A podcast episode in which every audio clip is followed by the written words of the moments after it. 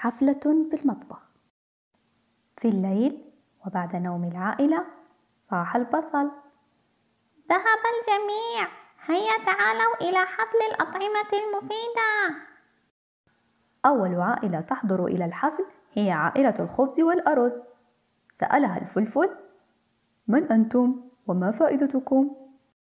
قالت الخبزة نحن عائلة النشويات والحبوب. نحن نعطي الجسم القوة ليتحرك. احرصوا أن تأكلوا الخبز الكامل المصنوع من القمح لأنه الأفضل. ولا تنسوا حساء الشوفان. جاءت بعدها عائلة الخضار يتقدمها القرع ومعه الجزر والفاصوليا.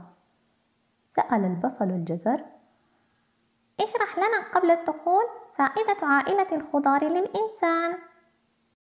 أجاب الجزر نساعد الإنسان في الحصول على جسم قوي وصحي هل سمعت عن المناعة يا بصل؟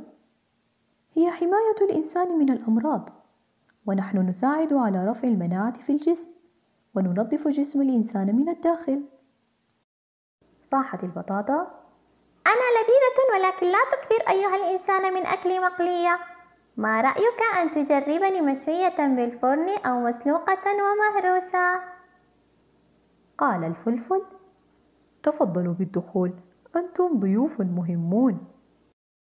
جاءت التمرة تمشي في المقدمة وخلفها عائلة الفاكهة.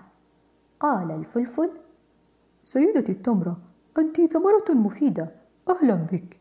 اشرحي لنا فائدة عائلتك. قالت التمرة نحن الفواكه سكر الحياة. نعطي الإنسان القوة وننظف جسمه ونحميه من الأمراض. تناولنا أيها الإنسان بدلا من أن تأكل الحلوى الضارة. قال الفلفل أهلا بكم.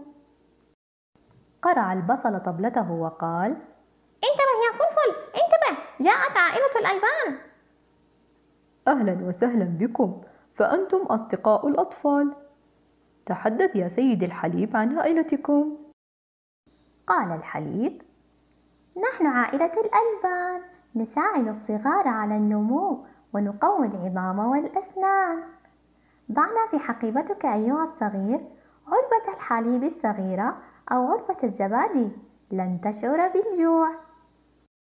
تقدمت الدجاجة عائلة اللحوم وخلفها اللحم والسمك والبيض يتدحرج حولهم.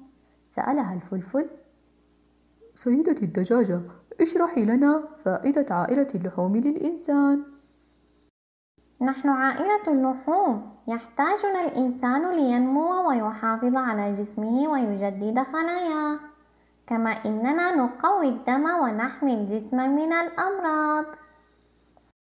قالت البيضة. أنا البيضة العجيبة من عائلة اللحوم. تستطيع أكلي مسلوقة أو مقلية أو مع الخضار.